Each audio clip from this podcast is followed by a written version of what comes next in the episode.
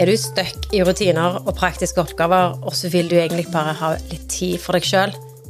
Hvis du er en av de som pleier seg frem til den perfekte høsten, hvor du skal spise sunt og komme i gang med trening, ta bedre vare på deg sjøl, og så bare for å bli fullstendig oppspist av lekser, oppfølging av aktiviteter, logistikk, middag og et ekstremt lågt energinivå etter klokka halv sju, så er du på ingen måte alene.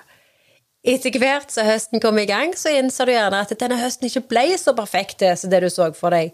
Du føler deg oppspist av alt som skal gjøres, og alt som forventes av deg på alle verdens kanter. Og så kjenner du kanskje litt på irritasjonen på omverdenen som stiger. Kanskje ikke så dramatisk, men i retrospekt og oppsummert, hvis vi ser tilbake, så kan det gjerne se litt sånn ut. For jeg vet ikke hvor mange høster jeg har hatt hvor jeg har hatt en megaforventning til alt jeg skal få gjort, og så krasjlander jeg litt sånn i midten av september. Hva er det egentlig som skjer når vi prøver å prioritere tid til oss sjøl, og så har vi noen søte små i huset? Jeg antar at du og meg ikke er så himla ulike, og det jeg kjenner det igjen på, er at det kommer i en form av dårlig samvittighet, en følelse av at det alltid er noe annet som er viktigere enn det jeg hadde planlagt å gjøre. Det dukker kanskje opp ørten uforutsette ting som bare må fikses der og da, og så sitter du igjen med en liten bitter tanke om at det, det er jo jeg som gjør alt her. Og hva er effekten? Jo, effekten er at vi overbeviser oss sjøl om at vi er mindre viktige, og at vi ikke har tid til å gjøre det vi vil. Og så kan vi gjerne se på jobb hvor det kanskje ikke er så mye bedre. Alt som ble satt på pause før sommeren, er tilbake i full blomst og ganger ti i, i intensitet.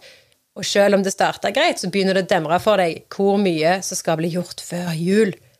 Før jul, sa du! Å, hekken, er det jul òg snart?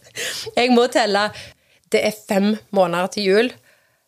Og så kjenner du kanskje at stresset stiger umiddelbart. Og jeg sier ikke dette bare for å gi deg et hjerteinfarkt eller få deg til å føle deg drit. Og så beklager jeg det der med fem måneder til jul, men jeg tror det er bedre å innse det nå enn at panikken tar oss i september og oktober, sånn som man vanligvis gjør, i hvert fall for meg. Og akkurat den tanken den kan ta fullstendig fokuset vekk fra det vi prøver å få til, fordi at stresset tar oss. For hva var det vi egentlig snakket om? Jo, å få mer tid til seg sjøl. Hadde det ikke vært magisk å følt at du fikk tid til deg sjøl òg i høst, sjøl om du vet at det uansett blir travelt? Hadde det ikke vært digg å få mer tid til deg sjøl uten den dårlige samvittigheten for alt annet du skulle ha gjort? Som man gjerne sier, uten at vi alltid klarer å gjøre noe praktisk med det, det handler om prioritering, og prioritering av den viktigste personen. Den som er limet i familien, og som gjør i hermetegn alt. Nemlig du. For vet du hva jeg måtte innse, og som jeg måtte gå på en smell for å finne ut? Jeg måtte innse at jeg var langt fra den beste versjonen av meg sjøl da jeg ga alt uten å gi noe tilbake. Jeg ble irritabel. Jeg tok meg i å skylde på de rundt meg. Jeg var fullt av dårlig samvittighet, og så hadde jeg skyhøye forventninger til meg sjøl. Og så kjente jeg at jeg var litt misunnelig på de som bare klarte å drite i ting og gi litt mer F. Det var akkurat som om det ikke var tilgjengelig for meg. Og så måtte jeg innse at jeg faktisk, og dette er helt klisjé, måtte fylle på hos meg sjøl først. Og hva betyr det? Det betyr å gjøre mer av det som gir deg energi og påfølg i hverdagen. Det betyr at du må prioritere deg sjøl først i enkelte anledninger og ta deg mer tid. Og ikke vente på at det skal komme en anledning til å gjøre det du gjerne vil, rekende på ei fjøl. For helt seriøst, det kommer mest sannsynlig aldri til å skje når du er mamma med barnehage eller skoleunger. Spesielt ikke hvis du ikke blir bevisst på det. Den utopien der, den kan vi bare legge fra oss med en gang. Og så måtte jeg innse at den dårlige samvittigheten jeg kjente på hver gang jeg gjorde noe som føltes litt sånn egoistisk, handla om hvem jeg ville være som mamma. For det å ta seg tid til seg sjøl føles egoistisk, og hvem vil vel være det? Å være egoistiske, det er noe som de fleste av oss ikke identifiserer oss med. Iallfall ikke som mødre. Men det vi ofte glemmer, det er at det slett ikke er egoistisk å ta litt tid for seg sjøl og fylle på hos oss sjøl først. For bare tenk på det til sammenligning. Hva skjer med biler som ikke får påfyll i form av bensin? Jo, de stopper. Og det gjør vi òg hvis det går lang nok tid mellom hver gang.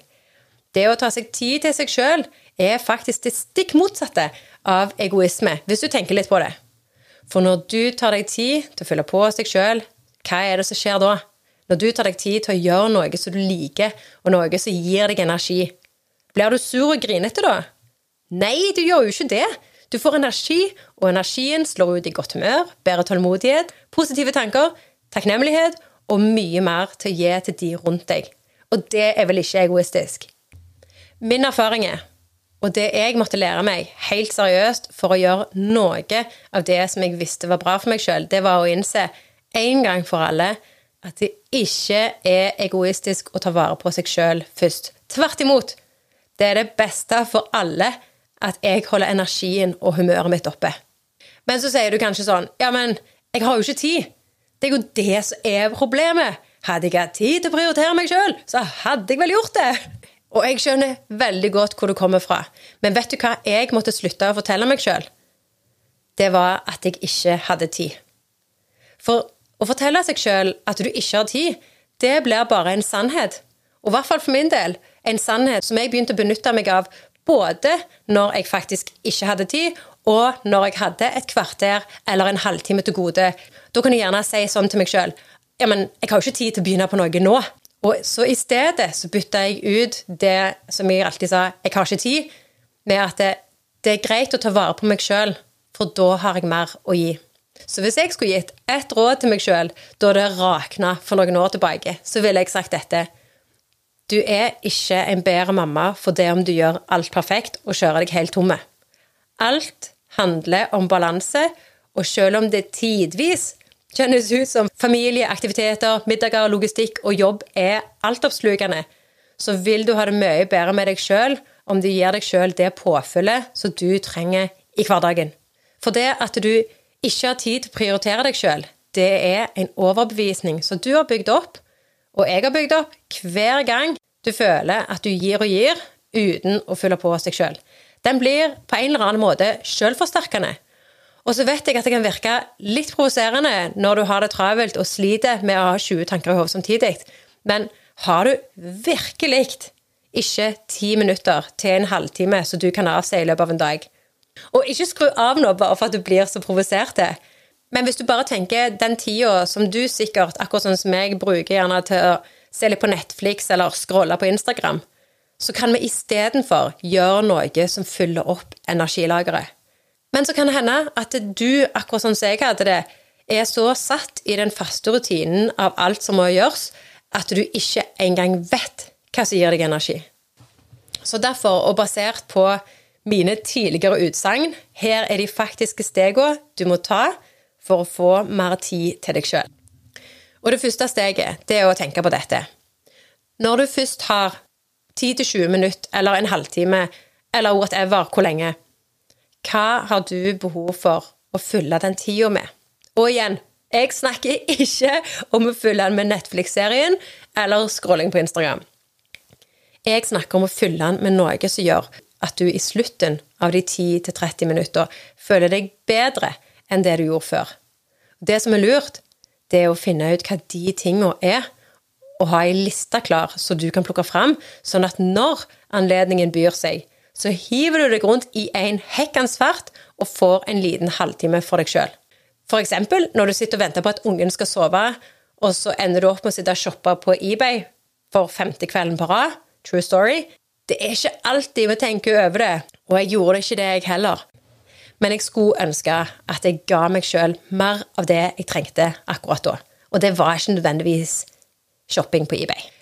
Så det som er lurt å finne ut, det er å fylle de små øyeblikkene i løpet av dagen med de tinga som faktisk gir deg noe. Da hopper vi til steg to. Og steg to det handler om å så tvil rundt overbevisningen om at du ikke har tid. For igjen, er det virkelig sant at du ikke har en halvtime du kan skvise ut til deg sjøl i løpet av en dag? Er det virkelig ingenting du kan tone ned, kutte ut eller delegere til noen andre, sånn at du kan få denne tida til å gjøre noe som gir deg det påfyllet du trenger? For her handler det litt om å se muligheter i de små øyeblikkene i løpet av dagen, og bruke de. Jeg vet at det ikke nødvendigvis er flust av de, men når de dukker opp, så kan de brukes til å gi deg litt energi. Ref mitt forrige eksempel med eBay-shopping, som med fordel kunne blitt bytta ut med f.eks. det å sette seg noen inspirerende mål å jobbe mot. Så for å oppsummere steg to Se om du klarer å sette litt tvil til den overbevisningen med at du aldri har tid til deg sjøl. Og se om det er noen øyeblikk i løpet av dagen så du kan fylle med noe som gir deg noe. Da kommer vi videre til steg tre, og nå vil jeg du skal tenke på sånn ordentlig. Jeg vet at du er en god mamma, at du ikke vil noe annet enn det som er det beste for kidsa dine. Men tenk etter. Hva effekt tror du at det ville ha om du hver dag eller x ganger i uka fikk anledning til å gjøre noe av det som ga deg energi? Noe som gjør deg glad og tilfreds? Hva effekt tror du at det ville ha på ungene dine at du prioriterte deg sjøl en liten stund om dagen og fikk det lille påfyllet som skal til for at du hadde gått med deg sjøl? Tenk litt på hvem du er når du kommer tilbake etter du har fått litt tid for deg sjøl. Har du ikke mye mer overskudd da? Og så igjen så vil jeg du skal tenke på det neste gang du prioriterer deg sjøl litt, sånn at du vet at det, det er mye bedre for meg og de når jeg har fått litt påfyll. Og så steg fire, og dette handler om kontroll.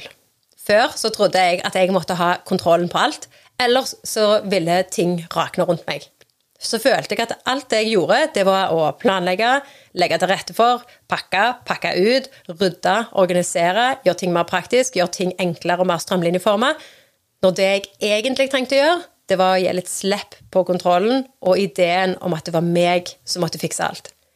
Så snart det gikk opp for meg at hvis ikke jeg gjorde det, så ville ikke verden gå unna. Det ville kanskje ikke bli gjort i samme form, men det ville ha én form. Og det kan hende at jeg hadde gjort det bedre sjøl, men det viktigste er av og til at det bare blir gjort. Og da jeg innså det, så fikk jeg det så mye bedre. Vi tror kanskje at vi har de beste løsningene, og det kan godt hende at vi har det òg, men vi må slippe opp på kontrollen og slippe andre til for å finne ut at verden ikke går unna hvis ikke vi springer ræva av oss. Så tenkte jeg bare et eksempel. Si en reiseleder. Reiselederen det er den personen i reisefølget som har full kontroll. De har en total oversikt. De vet alt hva som skjer. De vet hva tid det skjer, de vet hvem som er hvor, de vet hvem som skal være med, og de sørger for at det skjer, nemlig at alle blir med. Og de har lister på lister. De er med andre ord organisatoren. Og hva skjer når du har full tiltro til reiselederen? Ja, du gjetter det rett. Du slapper av, og stole på at det er de som har kontrollen. Du blir liksom sånn, blir liksom sånn at du bare følger strømmen, og så gjør du det du får beskjed om, og så henger du litt med på lasset. Høres det kjent ut? Og jeg er litt redd for å få alle fedre på nakken nå. Men stemmer det ikke godt i mange tilfeller at dette kan sammenlignes med hvordan det er på hjemmebane? At det er mor som er reiseleder, og far som er reisefølge? Ikke vet jeg, men jeg har en liten teori om at det stemmer i ganske mange husholdninger. Men hva ville skje om reiselederen på dag tre rota det noe fullstendig til og viste helt tydelig at de slett ikke hadde full oversikt eller kontroll. Hva hadde skjedd med ditt behov for kontroll da? Ville ikke du begynt å lese litt mer og fulgt litt opp om hva som foregikk? Ville ikke du sjekka litt mer kalendere og litt mer reisebrosjyrer og litt mer papirer som du gjerne har fått på e-post? Det hadde i hvert fall jeg gjort. Og så er det jo sånn da at Noen trives med å være sjefen over alle sjefer og har ingen problemer med det og vil gjerne helst ikke at noen andre skal blande seg, imens andre syns det er litt greit å dele på ansvaret. Så kanskje er det nyttig å vurdere hvilken kategori du sjøl er i. Jeg for min del jeg trives ekstremt godt med å dele på ansvaret. Og etter jeg slapp litt opp på mitt eget behov for å kontrollere og ha oversikt, og vite hva som skjedde til enhver tid, og gjøre alt i forberedelser, så har jeg sluppet og følt meg så alene om å dra lasset. Og så er det litt løye, da, for Gustav spurte i går, så sier han sånn Du, når kommer neste podkastepisode ut? Og så sier jeg jeg holder på å jobbe med den, jeg har skrevet, jeg har skrevet hva jeg skal liksom snakke om. Og så nevnte jeg det litt av dette, spesielt det med behovet for kontroll og dette med reiselederen. litt sånn, Og så tenkte jeg bare, nå skal jeg bare høre litt hva han tenker om dette. Og det han sammenligna det med, det var jo ikke reiselederen, men for han så er det litt det samme som å være en hovmester på en restaurant. For hovmesteren òg er den som har kontrollen og oversikten. Og så har du de som sørger for at gjestene blir tatt godt imot, og at de får det de skal ha. Men det er hovmesteren som har full kontroll og bordoversikt, og vet om de kan ta imot f.eks. flere folk. Og det å ha god kontroll som hovmester, det er helt essensielt for at det ikke skal rakne verken på kjøkkenet eller for gjestene eller for servitørene. Og så når han da begynte å snakke om det og relatere det til jobb, så kom jeg på en egen erfaring som jeg sjøl hadde der jeg jobbet før. hvor Jeg da skulle, jeg var ny som leder, så skulle jeg ta over fra den forrige lederen. Og så husker jeg veldig godt en samtale som vi hadde, hvor, for det var snakk om at det, han da hadde vært leder for den gruppa før. Og så visste jeg det at hvis jeg skulle komme inn og overta det ansvaret, så nytter det ikke om alle kommer springende til han når ting ikke funker. Så det som jeg ba om, det var å få fullt mandat på det som jeg forventa på, og heller at han backa meg, og at jeg diskuterte ting. Hvis til, at jeg ikke, hvis til at jeg var usikker eller at jeg trengte støtte. Og så kom han inn og hjalp meg når jeg trengte det. For det å bli gitt et mandat, eller bli gitt en form for kontroll eller oversikt, eller et ansvar, det handler òg om at den andre som gir det, den må slippe tak. De må slutte å kontrollere. De må gi det ansvaret og bli enige om hva som er ansvaret til den andre. Så sånn sett så føler jeg at det stemmer ekstremt godt. Vi som mødre, hvis vi vil ha mer hjelp og frigjøre litt mer tid og frigjøre litt stress, så må vi slippe opp på kontrollen og gi plass, sånn at det andre òg kan hjelpe. Og da kan det hende at den enkleste måten å gjøre det på, det er å ikke ha kontroll til enhver tid det å la den andre òg få lov til å slippe til og merke at OK, hun har ikke kontrollen lenger. Pokker. Må, nå må jeg gjøre noe, for nå begynner vi å miste det her. Nå rakner det. Og det, og det er litt sneaky, men det er òg måten jeg sjøl gjorde det på, både bevisst og ubevisst, på hjemmebane, sånn at jeg skulle slippe å sitte med hele ansvaret. For det er kjipt å sitte og tenke at det, det er jeg Altså, ansvaret hviler på mine skuldre. Jeg vil mye heller personlig dele det ansvaret. Så hvis den dagen jeg ikke får noe med meg, så får han det med seg, eller omvendt. Jeg føler som oftest nå så er det han som får ting med seg, og så er det jeg som kommer halsende etter. Men det trives jeg ganske greit med.